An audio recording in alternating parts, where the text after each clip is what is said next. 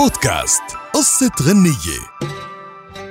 قصة غنية لليوم رح تكون مختلفة لأنه مش رح نحكي عن أغنية بعينها ولكن رح نحكي عن لون غنائي محدد. وأكيد الحديث اليوم رح يكون عن القدود الحلبية.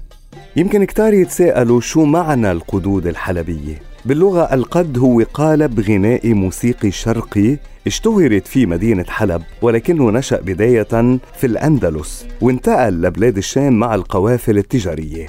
وبنيت القدود على ألحان دينية أو مدنية بمعنى بنيت على قد يعني على قدر أغنية شائعة أو منظومات غنائية أنشئت على أعاريض وألحان دينية مشهورة. يعني في أناشيد معينة؟ أخذوا اللحن تبعها ووضعوا كلام على قدر عرض اللحن. اشتهرت مدينة حلب وأهلها باهتمامهم بالموسيقى والفن والطرب وإسهاماتهم كتير واضحة بهالمجال وخرجت من حلب ألوان موسيقية عدة وفيها أنجز الفارابي قديما كتاب الموسيقى الكبير اللي يعد من أهم خمس مؤلفات موسيقية كتبت بين القرنين العاشر والخامس عشر ميلادي.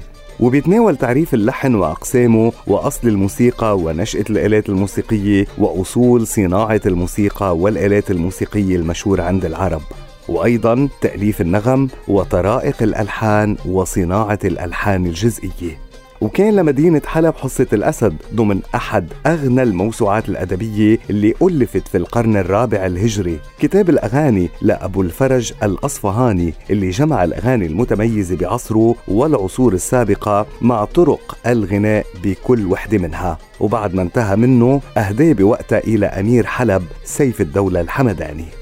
كانت حلب مركز اختبار لكبار رواد الموسيقى والغناء بالعالم العربي مثل سيد درويش، محمد عبد الوهاب، كارم محمود، نور الهدى، سعاد محمد وغيرهم كتار.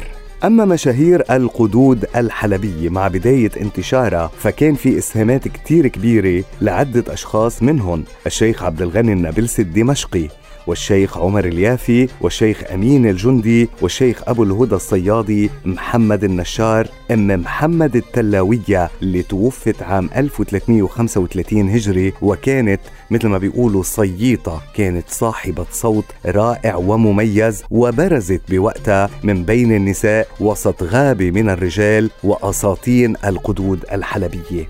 أيضا وأيضا محمد خيري حمام خيري ولكن الجيل الحديث اللي نشر القدود وتميزت فيهم عالميا الأسطورة الراحل صباح فخري واللي يعد أفضل من قدمها ونشرها بالإضافة للفنان شادي جميل والفنان اللبناني صبحي توفيق.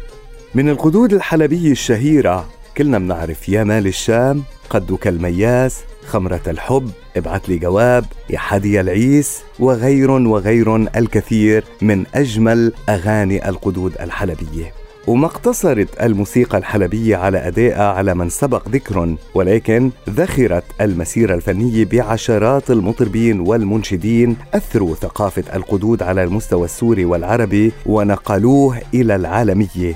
ولكن الخوف يكمن بكيفية الحفاظ على هذا الإرث وإحيائه ودعم الطاقات الشابة اللي بتبرع بأداء هذا اللون البديع.